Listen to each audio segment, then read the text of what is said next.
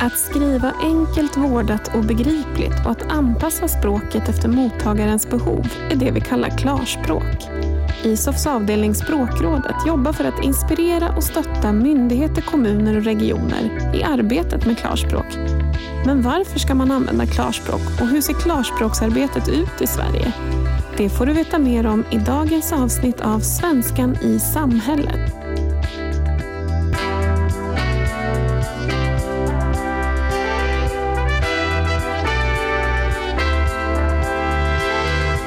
Den 21 mars i år var det folkomröstning i Västerås. Invånarna där skulle ta ställning till om flygplatsen i Västerås skulle vara kvar eller inte. Så här stod det på röstsedeln. Vill du att Västerås stad avvecklar verksamheten som bedrivs i flygplatsbolaget? Så för den som ville behålla flygplatsen, skulle den rösta ja eller nej? Vad var det som var rätt svar? Var det glasklart eller inte? Nej, åtminstone tyckte en person att det inte var glasklart och den personen valde att JO-anmäla Västerås stad för att frågeformuleringen var så otydlig. Det kan man ju göra tack vare att vi har en språklag i Sverige som säger att språket i offentlig verksamhet ska vara vårdat, enkelt och begripligt.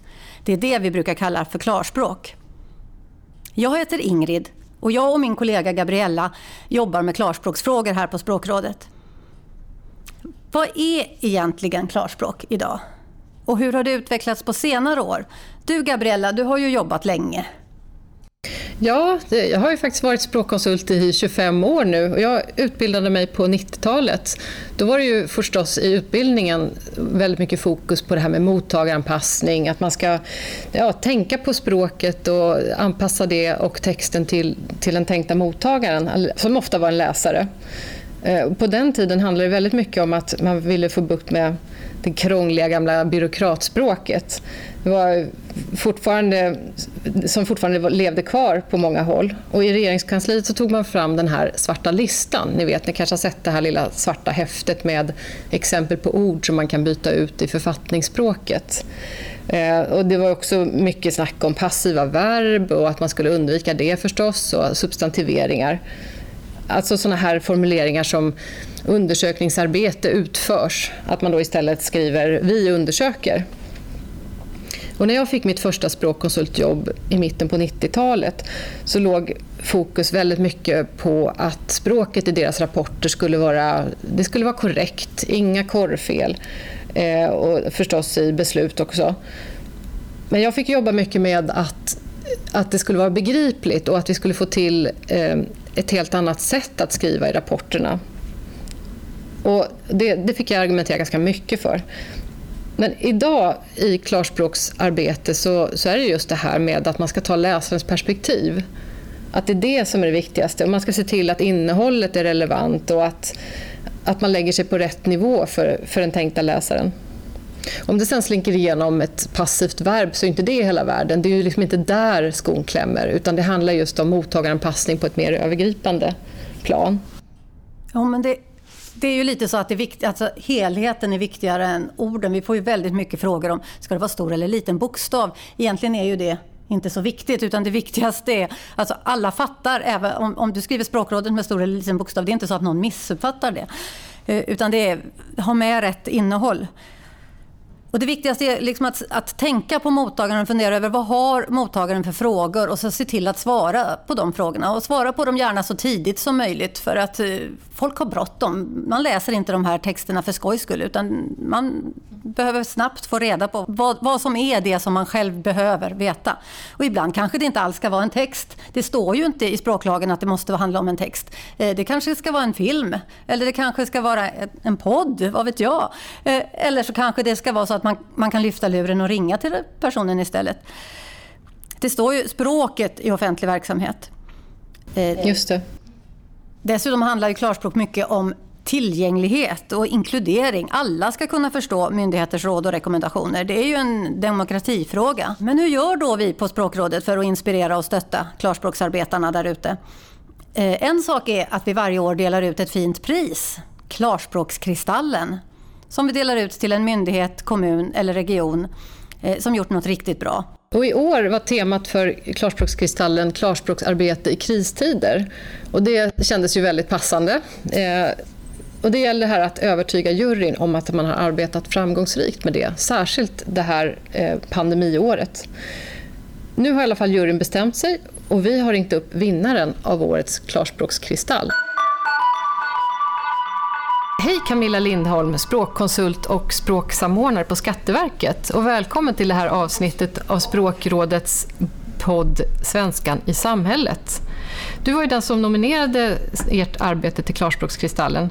Och stort grattis till vinsten! Tack, jättekul att vara här. I er nominering beskriver du hur, hur ni under stark tidspress utarbetade information, en massa olika texter under coronapandemin. Ni skrev texter för webben och ni utvecklade också en tjänst för sånt här omställningsstöd som företag kunde söka. Och det här var ju under våren och sommaren förra året.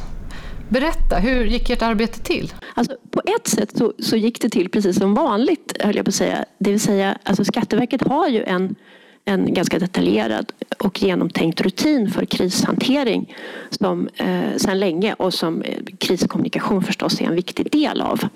Men på ett annat sätt så var förstås ingenting som vanligt i den här omvälvande och helt nya situationen.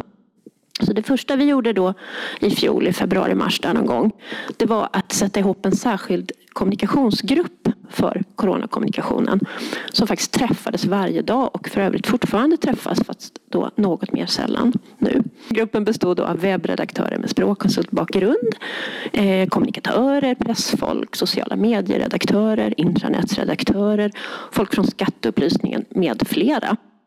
Och det huvudsakliga syftet med den här gruppen var förstås att med hjälp av kommunikation och texter på klarspråk skapa så mycket trygghet och klarhet som möjligt för våra målgrupper i de här speciella, de här speciella förutsättningarna. Eh, och i början så listade vi helt enkelt all coronainformation på en så kallad nyhetssida på vår webbplats. Men i takt med att den växte då så blev informationen småningom väldigt alltså, svåröverskådlig, svåranvänd helt enkelt. Ja.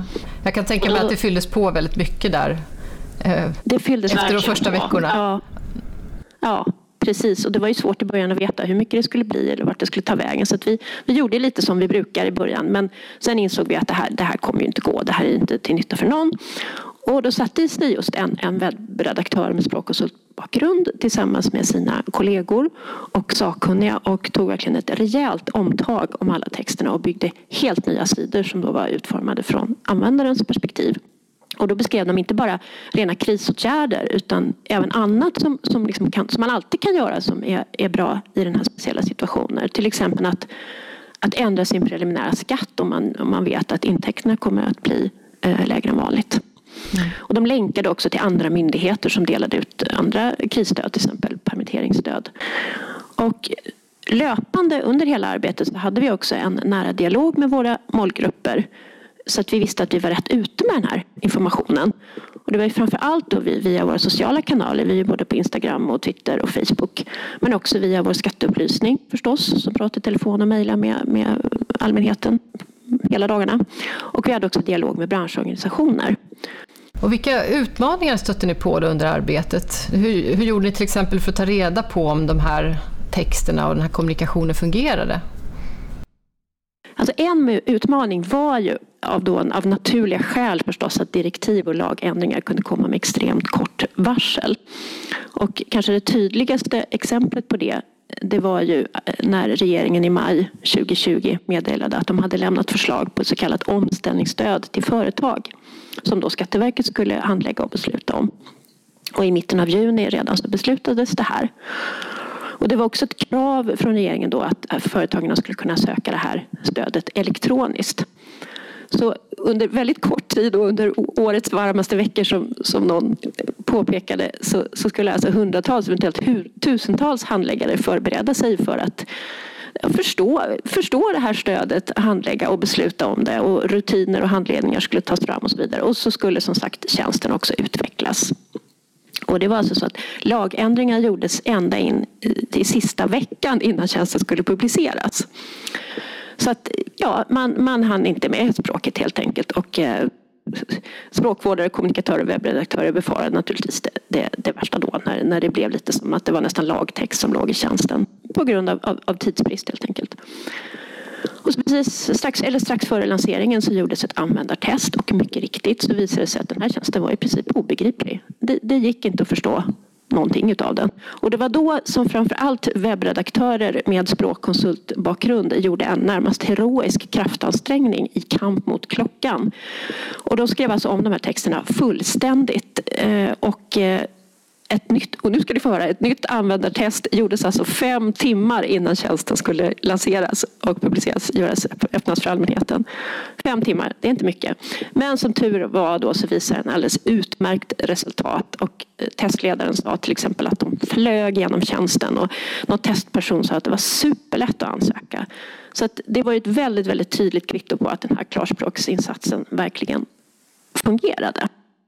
Här tycker jag att du sätter fingret på något väldigt viktigt, nämligen att det är inte bara att slita fram en massa bra texter från ingenstans, utan det krävs ju både att man har kompetens i organisationen och att man har de här rutinerna på plats. Så att det jag skulle vilja avsluta med att fråga om det är ju dels att eh, påminna lyssnarna om att ni har ju vunnit tidigare på Skatteverket, det var senast för två år sedan. Och det här tyder på att ni har ett, ett systematiskt och väldigt framgångsrikt klarspråksarbete. Så vad är framgångsreceptet? Ja, jag, kan bara, jag måste bara börja med att få hålla med att det, verkligen, klarspråkstexter kommer ju inte ur ett vakuum utan det är ju ett samarbete ofta verkligen eh, för att det ska komma till. Och vi är ju såklart inte perfekta utan vi måste ju som alla andra kämpa på varje dag både för att utveckla och förvalta klarspråksarbetet. Men med det sagt så vill jag ändå lyfta fram tre saker som jag tror har bidragit hos oss det första är att Skatteverkets ledning står bakom klarspråksarbetet och ser det som en självklar del av en liksom, generell ambition att sätta privatpersoner och företag i centrum. Så det är inte vi som är viktiga utan det är, det är våra målgrupper som är viktiga. Och vi har också den här Skatteverket har också den tydliga ambitionen att verkligen bygga en långsiktig relation till målgrupperna som bygger på förtroende och respekt och inkännande. Och den här ambitionen som Skatteverket har märks till exempel i vår strategiska riktning som är ett i högsta grad levande och aktuellt dokument som ska genomsyra allt vi gör. Och ambitionen gäller förstås våra texter, att de ska vara på klarspråk, men det gäller också en väldig massa annat. Det kan vara sådana saker som var våra målgrupper vill möta Skatteverket. De kanske inte alls vill surfa in på vår webbplats till exempel utan de kanske vill kunna göra vissa tjänster eh, från, ett, från sitt bokföringssystem. Och det gäller också när man, när man ringer till Skatteverket, alla som ringer till Skatteverket ska få ett gott bemötande, alltså muntligt bemötande som är fritt från fördomar kopplade till kön och språklig bakgrund, ålder, funktionsförmåga och så vidare. Så man kan säga att klarspråksarbete är liksom en, en självklar pusselbit eh, och en viktig och självklar del av en större helhet och det är en väldig styrka. Det andra som jag vill lyfta fram det är att vi har hittat nya och framgångsrika sätt att samarbeta med klarspråk där olika yrkesgrupper verkligen deltar på lika villkor. Jurister, sakkunniga språkvårdare jobbar ihop och alla har liksom vetorätt. Det här har varit, funkat jättebra. Och vårt arbete med skrivarstugor som vi då jätteroligt nog fick klarspråkskristallen för 2019 är ett exempel på det. Och det tredje som jag vill lyfta fram som en framgångsfaktor det är att spetskompetens inom klarspråk tas tillvara även i verksamhetsplaneringen. För klarspråkskompetens är ju inte precis en oändlig resurs någonstans. Och det är viktigt att lägga energin där klarspråksinsatsen verkligen gör störst, störst nytta utifrån myndighetens övergripande uppdrag. Och för att kunna göra den typen av prioriteringar och säga liksom vad det gör mest ont så krävs ju bland annat just klarspråkskompetens. Så det tycker jag också är en, en viktig pusselbit. Tack Camilla, det här var ju jätteintressant att höra. Och de här tre framgångsfaktorerna som du lyfter fram nu på slutet, det, det stämmer verkligen jättebra med, med vårt intryck av vad som krävs för att få ett framgångsrikt klarspråksarbete. Nu har vi hört hur Skatteverket jobbar med klarspråk, både under kristider, vilket eh, Camilla Lindholm berättade om här, och hur deras eh, arbete till vardags ser ut. Men vi vill ju veta hur hur det ser ut också på andra myndigheter. Språkrådet har ju faktiskt i uppdrag att se hur klarspråksarbetet generellt ser ut i landet. Det är en del av vårt uppföljningsarbete. Och ett sätt som vi tar reda på det här är ju genom att skicka ut en enkät Enkäten har skickats ut till alla kommuner, eh, eh, regioner och myndigheter. Eh, och så frågar man, jobbar ni med klarspråk? om, om ni inte jobbar med klarspråk, varför gör ni inte det? Om ni jobbar med klarspråk, vad gör ni för någonting? Eh, och så är det, det är ganska många frågor eh, överhuvudtaget. Och vi skickade ut senast eh, eh, 2019 och vi skickade ut till 631 myndigheter, kommuner och eh, regioner och vi fick svar från ungefär 400. Av de här som svarade så var det 81 procent som sa att ja, vi har jobbat med klarspråk de senaste två åren.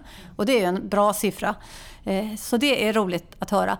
Men vi kände att det räcker inte bara att skicka ut en enkät. Vi behöver veta lite mer. Eh, och då tog vi in Karin Hansson som till vardags är språkvårdare på statistikmyndigheten SCB. För att tala om lite mer helt enkelt. Vad var det du gjorde Karin? Ja, för det första så fick jag ju djupdyka i den här enkäten och den är ju rätt omfattande. Det är nästan 30 flervalsfrågor och sen så för nästan alla de frågorna har man möjlighet att komplettera med fritextsvar dessutom. Och, eh, och som du nämnde så, så var det nästan 400 svar som kom in på det här. Så det fanns en hel del där att gå igenom och det finns en hel del fakta där man kan få. Men dessutom så fick jag möjligheten att intervjua, djupintervjua 13 klarspråksansvariga på olika typer av myndigheter runt om i Sverige. Från en stor statlig myndighet till en liten kommun. Och eh, kanske kan nämna där, en klarspråksansvarig det kan ju vara en eh, utbildad språkvårdare eller språkkonsult. Men oftast är det en kommunikatör som har klarspråk som en del av sin roll. Så det kan variera väldigt mycket vad man har för ansvar och arbetsuppgifter. Om man ska sammanfatta så har de ett kul jobb, väldigt engagerande jobb och de är väldigt nöjda med de resultaten de får i sitt jobb. Men det är alldeles för lite klarspråksarbete på myndigheter idag. Och man kan säga att eh, ledningen, om man ska vara lite krass, verkar se klarspråk som någonting som är valbart och inte obligatoriskt trots att det finns en språklag och har funnits det i över tio år. Och konsekvensen av det blir ju att man jobbar med klarspråk om man tycker att man har tid, om man tycker att man har pengar, om det finns någon som vill, om det finns någon som kan.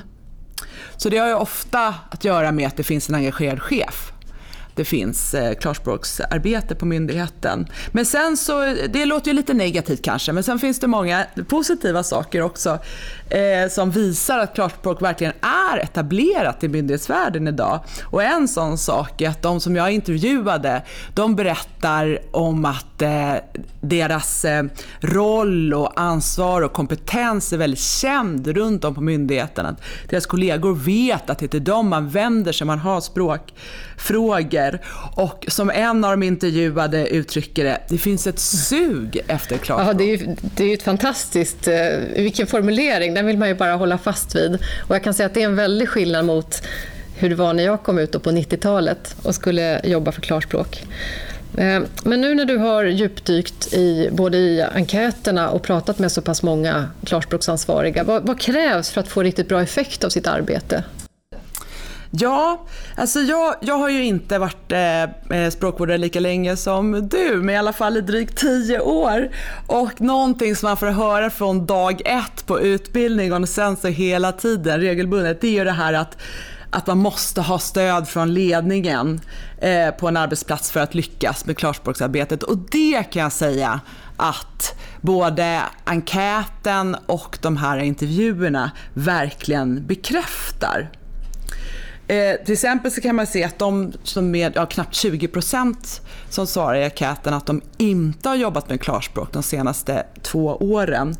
Eh, där är det absolut vanligaste anledning man anger eh, tidsbrist och sen även brist på pengar och sen kommer att man har försökt men inte fått gehör. Och allt det här kan ju faktiskt kopplas till att klarspråksarbete inte ses som tillräckligt viktigt av ledningen så att man helt enkelt inte satsar de pengar som behövs.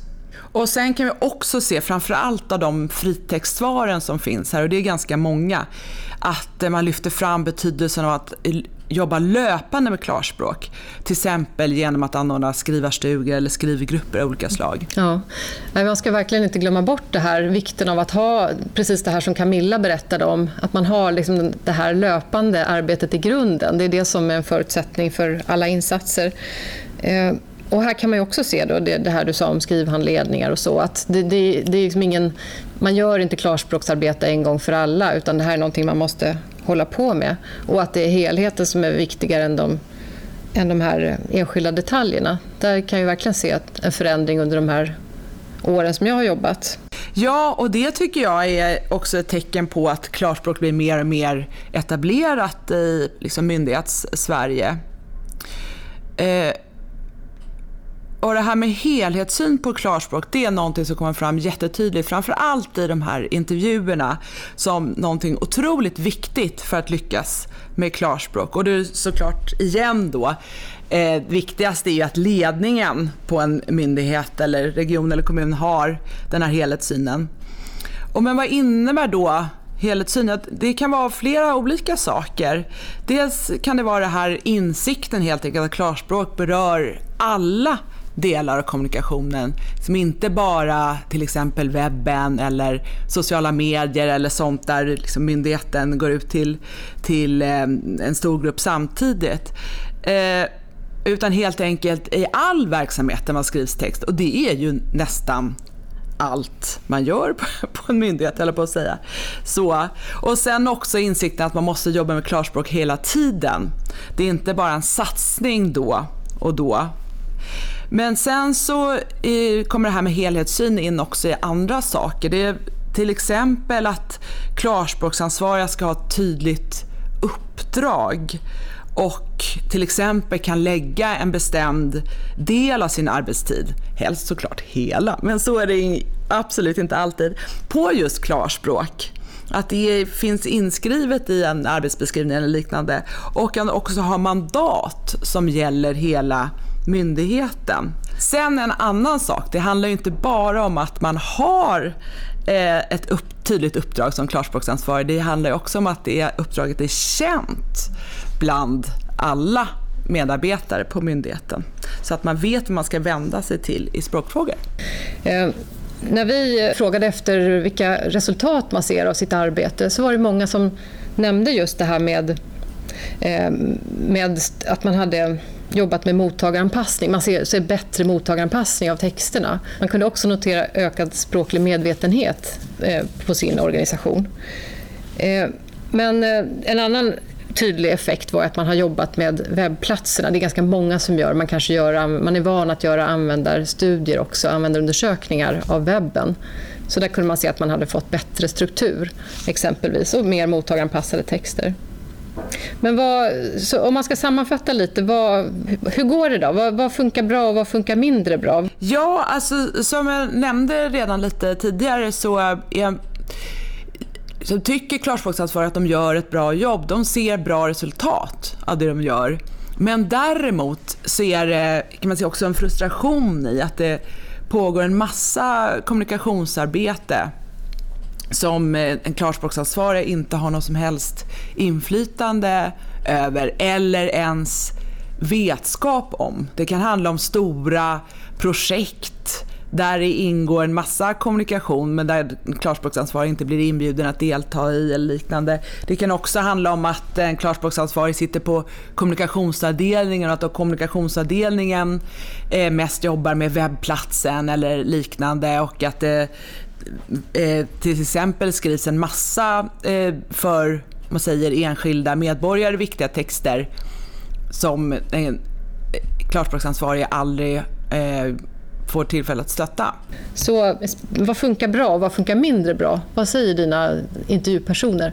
Ja, alltså en sak som har kommit fram det är ju att eh, det ofta finns som en, någon form av uppdelning i olika kommunikationsfrågor. Att då på något vis att eh, klarspråk eh, betraktas inte som en naturlig del av all kommunikation utan att det är vissa saker där klarspråk kommer in och vissa saker inte gör det. Till exempel webbplatsen ett område där klarspråk ofta får vara med medans eh, kanske brev från enskilda handläggare som ju har väldigt stor betydelse för mottagare eftersom det kan handla om ett beslut som rör en enskild privatperson eller så. Eh, där är det inte alls lika självklart att man tar hjälp av klarspråk. Eh, och trots att vi har haft en språklag nu i över tio år så måste man sälja in klarspråk hela tiden. Är det så det är? Det verkar som att klarspråk behöver draghjälp. Det kan vara till exempel redan frälsta kollegor som eh, på något vis själva har upplevt eh, bra effekter av klarspråk och som sen kan hjälpa till att övertyga i sin tur sina kollegor. Det kan också vara att det finns någon eh, auktoritet utanför organisationen som kanske efterfrågar klarspråk eller uttrycker eh, sin uppskattning för någon text där det är klarspråk. Även språkrådet kan, ha, kan fylla den funktionen som en auktoritet som efterfrågar klarspråk utanför eller, och som också berättar vad det finns för fördelar med klarspråk som finns utanför eh, organisationen och kan motivera behovet av att jobba med klarspråk. Men överhuvudtaget är man ju ganska ensam. Det kommer vi ihåg hur det var att sitta på en myndighet väldigt själv. Eh, vad kan man göra åt det? Då? Kan man, hur kan man motverka ensamheten? Ja, alltså ensamheten den är ju verkligen eh, eh utbredd i, i klarspråksvärlden. Det är vi väldigt få som har eh, myndigheter som har flera klarspråksansvariga. Så man är ju helt beroende av diverse samarbeten inom myndigheten och även såklart mellan myndigheter i form av nätverk och liknande. Eh, men det tycker jag framkommer väldigt, väldigt tydligt. Eh, dels av enkäten, men kanske framförallt av intervjuerna.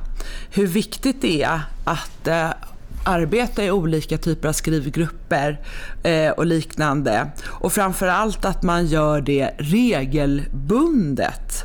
Så. Och inte bara då och då. En av dem som eh, Karin intervjuade eh, bland de här klarspråksansvariga var Fredrik Åström i Boden. Eh, och vi tänkte att vi, vi bjuder in Fredrik att vara med lite i den här podden också. Vad är det ni jobbar med när ni jobbar med klarspråk? Det är framförallt tilltal och Eh, egentligen mycket målgruppsanpassning. Vi funderar ju mycket kring vem vi pratar med och så vidare och vilken situation man pratar med. Jag har ju gjort en liten mall så att säga som, som man egentligen kan skriva ut och ha på sitt skrivbord där man egentligen eh, får frågor utifrån vem man vänder sig till när man formar en text och eh, vilka sammanhang den personen eh, tar emot så att säga texten och då är det ju mycket gissning såklart. Man, man kan sitta och gissa om man, någon som läser informationen på bussen på väg hem från jobbet. Och då måste man ju fundera på det när man skriver också. Då kanske man inte kan eh, skriva så långa haranger och så vidare. Så att, eh, vissa verksamheter var ju väldigt... Eh, eh de skrev ju ofta ni och eh, ska vi inte hänga ut någon verksamhet. Men, men det var ju ofta ni tilltal istället för du och så vidare. Och, och det var väldigt in, oinkluderande. Eh, så, så ett sånt jobb har, har vi fått brottas med väldigt mycket i Boden. Jättebra. både liksom tilltal och mottagaranpassning. Det är ju liksom sådana här ledstjärnor i klarspråksarbetet. Eh, en annan sak vi har tittat på det är alternativa texter och det kommer ju över i tillgängligheten. Det, det jag menar med tillgängligheten är egentligen att vi har en massa, en uppsjö pdf som inte är tillgängliga. Och, och hur vi ska lösa dem, det, det är ett huvudbry eh, som heter duga. Eh, men eh, det här med alternativ text, det är ju en sak också. Att, eh, och det har inte folk vetat om, jag säger folk, redaktörer. Man säger att ja, men en med skärmläsare ser, alltså om det är en länk till exempel utan alternativ text så, läs, så förstår de inte någonting av den. Och det är samma med bilder. Eller, så, så det är någonting som är som som jag har fått dem att få upp ögonen för. Det känns jättekul och det är jättemånga som har sagt aha, är det så det funkar? Nej, och där finns ju dessutom lagkrav på tillgänglighet, tillgängliga offentliga webbplatser. Ja. Jättebra, vad kul det är att höra hur mycket det jobbas liksom ute i landet runt omkring. Och vi, vi, nu har vi både pratat med en stor myndighet eh, och med en kommun och fått reda på eh, vad det är som görs helt enkelt.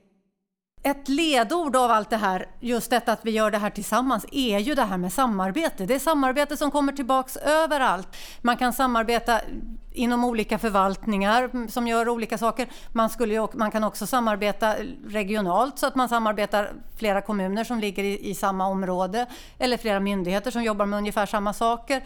Så samarbete generellt känns ju som den, den stora grejen helt enkelt. Det är det som kan lösa allting. Eh, och det är det vi vill sluta med, med i just den här delen av podden. Frågelådan. Ja, vi brukar ju avsluta med några frågor också. Och då är det så att Fredrik har några klarspråksfrågor till oss som han vill att vi ska svara på. Så varsågod. Jag har funderat mycket kring översättningar och hur de kvalitetssäkras. Och det har ju egentligen framkommit från dagens samhällssituation. Och eh, det är ju om det finns någon forskning som visar att tydlig svensk text eh, ökar kvaliteten på översättning. Ja, det är ju verkligen en jätterelevant fråga. Eh, alltså någon forskning, det känner inte vi till på just det här området. Det finns ju en hel del klarspråksforskning, men inte just på det här området. Då. Eh, däremot finns en massa erfarenheter både från översättare och språkkonsulter. Eh, och det har ju visat sig, inte minst nu under pandemin, hur viktigt det är med en tydlig och, och bra grundtext för att översättningar ska bli tydliga. Så vill man ha klars, klarspråk så måste man ha klarspråk redan från början. Annars så blir det helt enkelt inte bra. Och sånt som är vagt eller krångligt uttryckt, det blir ju minst lika vagt och krångligt i, på Eh, målspråket. Eh, ett exempel på ett sånt här svåröversatt uttryck det är vi ska vara rädda om våra äldre och sköra. Och det har visat sig ställa till med problem med översättningar till andra språk. Vad betyder skör till exempel? Och om vi backar då till våra, vad, vilka våra? Det här är sånt som har blivit jättemärkligt på en del språk. Så det visar ju vikten av att vara tydlig redan i originaltexten. Lyssnat på Svenskan i samhället, en podd från ISOFs avdelning Språkrådet. Om du vill veta mer om klarspråk och få tips och idéer om hur du kan arbeta med klarspråk på en arbetsplats, gå in på isof.se.